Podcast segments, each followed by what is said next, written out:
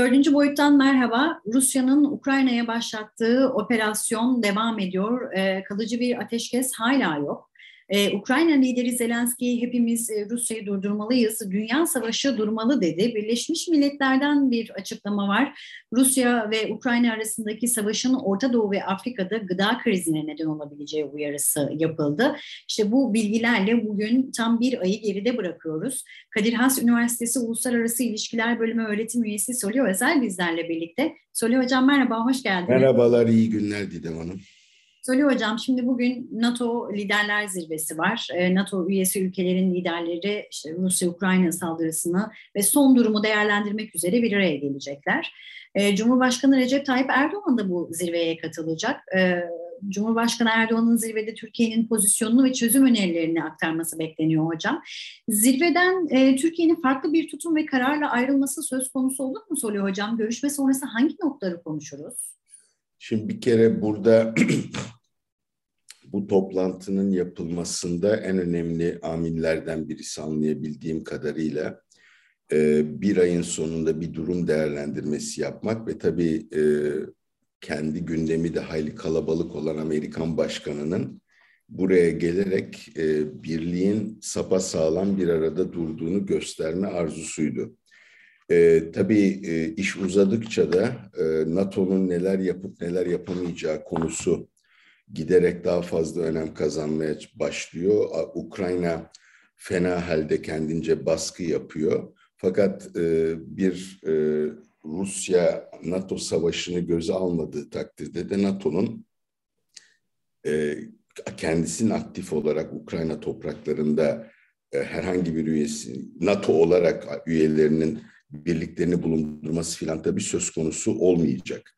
Ee, ya da şeyi daha önce de sizinle konuştuğumuz gibi hava sahasını kapatmaya çalışması gibi de bir şey söz konusu olmayacak.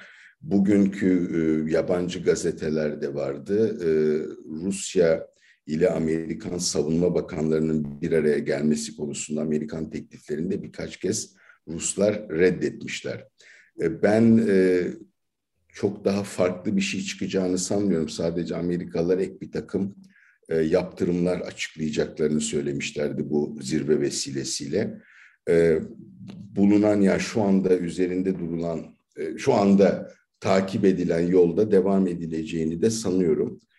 Nasıl trafiği benim, var diyebiliriz aslında hocam. Çünkü Avrupa Birliği ve ABD, yani Amerika Birleşik Devletleri zirvesi de yer alacak. Bugün Brüksel'de yapılacak o da. Evet.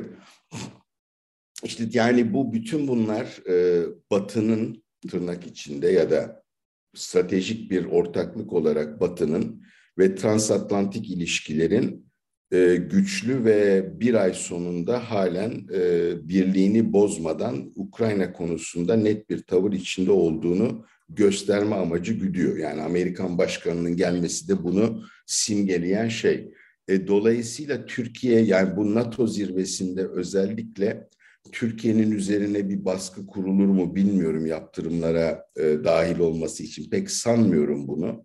E, Türkiye elbette kendi ara buluculuk çabalarından bahsedecektir fakat epeydir bundan biz Türkiye bahsediyor bir yere de varılamıyor. Açıkçası benim kanaatim Rusya'nın e, her neyse artık o hedefleri onlara varmadan ya da boyun eğdirmeden e, Ukrayna'ya bu işi bitirmeyeceği, bu işin ucunu bırakmayacağı Ukraynalılar da epey bir moral kazanmış gözüküyorlar. Onların da kolay kolay teslim olmayacaklarını sanıyorum. Ve bu arada tabii e, çok ciddi şekilde hibrit bir savaş yani tanık olduğumuz büyük e, vahşetin yanı sıra bir de hibrit savaş devam ediyor.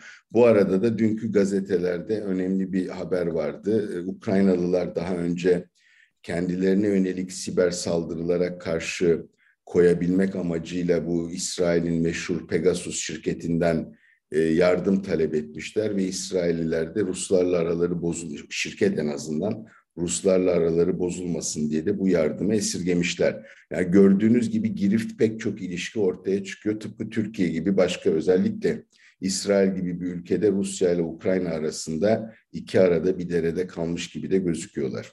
Hocam bir yaptırım, e, yani Türkiye özellikle bir yaptırım yapması istenmez dediniz ama o noktada şunu sorabilir miyim size? Şimdi e, dünya Rus milyarderlere e, yaptırım uyguluyor. E, ancak biz uygulamayan ülkelerden biriyiz. Şimdi Abramovich'in e, birinci yatı Türkiye'ye gelmişti. ikinci yatı da Türkiye'de. Hatta ben sabah bir yerde rastladım. E, sahil güvenlik özellikle o yatlara yaklaşanları da uyarıyormuş. Böyle de bir e, haber okudum. E, ne dersiniz? Yani bu e, yani Türkiye'nin oluşturduğu bu esneklik ilişkileri nasıl etkileyecek e, Ukrayna ile ya da Avrupa Birliği batılı ülkelerle? Epey düşünmek gerekiyor sanırım. Dün e, Türkiye'nin eski AB'deki, Brüksel'deki AB daimi temsilcisi emekli büyükelçi Selim Kuneralp'in bu konuda uyarıcı bir yazısı vardı. Ve e, Göben ve Breslau yani Birinci Dünya Savaşı'na Osmanlı İmparatorluğu'nun girmesinde girmesine sebep olmuş olan iki Alman e, gemisinin benzeri bir durumla Türkiye'yi karşı karşıya bırakıp bırakmayacağını soruyordu. Yani bunlar ikmal için buradalarsa ikmal süresini çoktan geçtiler. Yarın öbür gün bir ülke bunlar üzerinde hak iddia ettiği takdirde Türkiye ne yapacaktır diye. Yani Türkiye şu anda ben yani ve şöyle bir uyarıda bulunuyor. Yaptırımlara dahil olmamakla yaptırımları delmek birbirinden çok farklıdır. İkincisini anımsatacak bir görüntüyü vermenin de Türkiye açısından fazla riskli olacağını söylüyordu. Ben de doğrusunu isterseniz kendisine katılıyorum. Hocam şimdi Rusya Dışişleri Bakanı Lavrov'dan bir açıklama var. Ukrayna ile müzakereler zor. E, Kiev sürekli pozisyon değiştiriyor dedi. Zelenski de üye e, olmayacağımızı anlıyoruz ama güvenlik garantileri istiyoruz demişti geçen hafta. Yani sanki pozisyon değiştirmekten çok orada e, güvenlik garantilerini kendi açısından en sağlama almaya uğraşıyor gibi. Ukrayna'nın talep ettiği bu güvenlik garantilerinin ayrıntısı nedir? NATO'nun vereceği ama e, Rusya'nın da kabul edeceği bir formül olabilir mi hocam? Şimdi e, NATO garantisini benim e, ben Rusların pek kabul edebileceğini sanmıyorum. Biliyorsunuz orada Türkiye'nin adı geçiyordu. Garantör devlet evet. Yani şey Birleşmiş Milletler Güvenlik Konseyi'nin Çin ve Rusya dışındaki üç üyesiyle yani İngiltere, Fransa ve Amerika ile Almanya ve Türkiye'nin bu garantörlük işinde olmalarını istiyordu Ukrayna.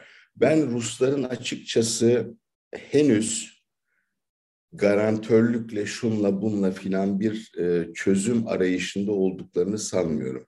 Yani Lavrov onu demiş olabilir, bunu demiş olabilir. Hakikaten bunun çok anlamlı olduğu kanaatinde değilim. Ee, henüz en azından benim takip edebildiğim kadarıyla Rusların Ukrayna'nın tamamen teslim olması arzularından geri adım attıklarına dair bir işaret bence yok. E, top çeviriyor iki tarafta. Ve tabii bu hani müzakere gibi bir şeyler var gibi var gibi ise e, biraz da zaman kazanmaya çalışıyorlar. Ben e, NATO'da bugün asıl e, daha ne şekilde Ukrayna'ya direnebilmesi için yardım edilebileceğinin konuşulacağını sanıyorum. E, üye ülkelerin kendi adlarına e, Ukrayna'ya yaptıkları yardımı birazcık daha arttırmaları ve belki daha etkili bir takım savunma silahları göndermelerinin gündemde olacağını düşünüyorum. Şimdi müzakereler bir yandan devam ediyor Sol Hocam ama öneriler de geliyor. Mesela Polonya'nın barış gücü önerisi vardı e, Ukrayna'da NATO barış gücü oluşturulması tavsiye edildi. Gerçi teklif kabul görmedi ama e, hatta barış misyonunun Ukrayna'ya yardım için prensipte olabileceği ancak Birleşmiş Milletler Güvenlik Konseyi'nin karar vermesi gerektiği vurgulandı. Evet. Ama dün e, Lavrov çok üst perdeden sert bir şekilde uyardı.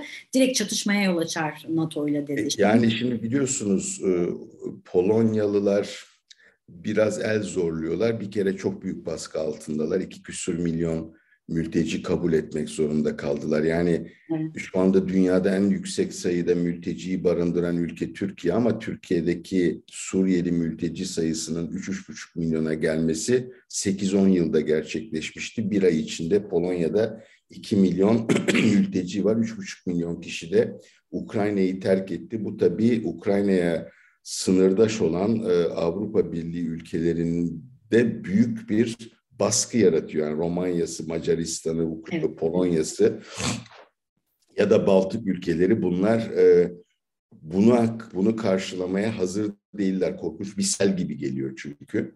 O nedenle e, Polonya tabii ve aynı zamanda da daha fazla Rusya ile olan tarihi nedeniyle belirli bir tedirginlik içinde olduğundan mümkün olduğu kadar NATO'yu da öne çıkarmaya çalışıyor Polonya. Rusların tepkisine de o yüzden şaşırmamak gerekir. Yani NATO'nun herhangi bir şekilde Ukrayna'da olmasının NATO şeyin Rusya'nın tepki göstermemesine şaşırırım.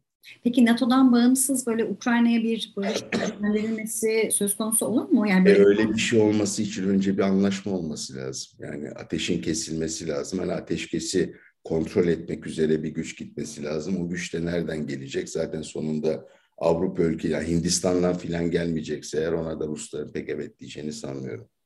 Kaldı ki dediğim gibi ben henüz hesabın kapanmış olduğu kanaatinde değilim Ruslar açısından.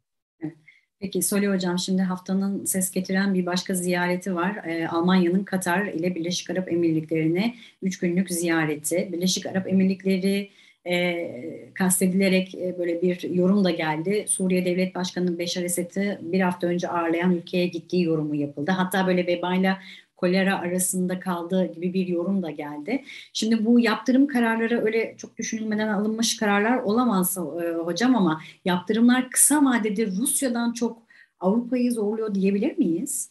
Şimdi e, daha çok mu zorlar onu bilemem.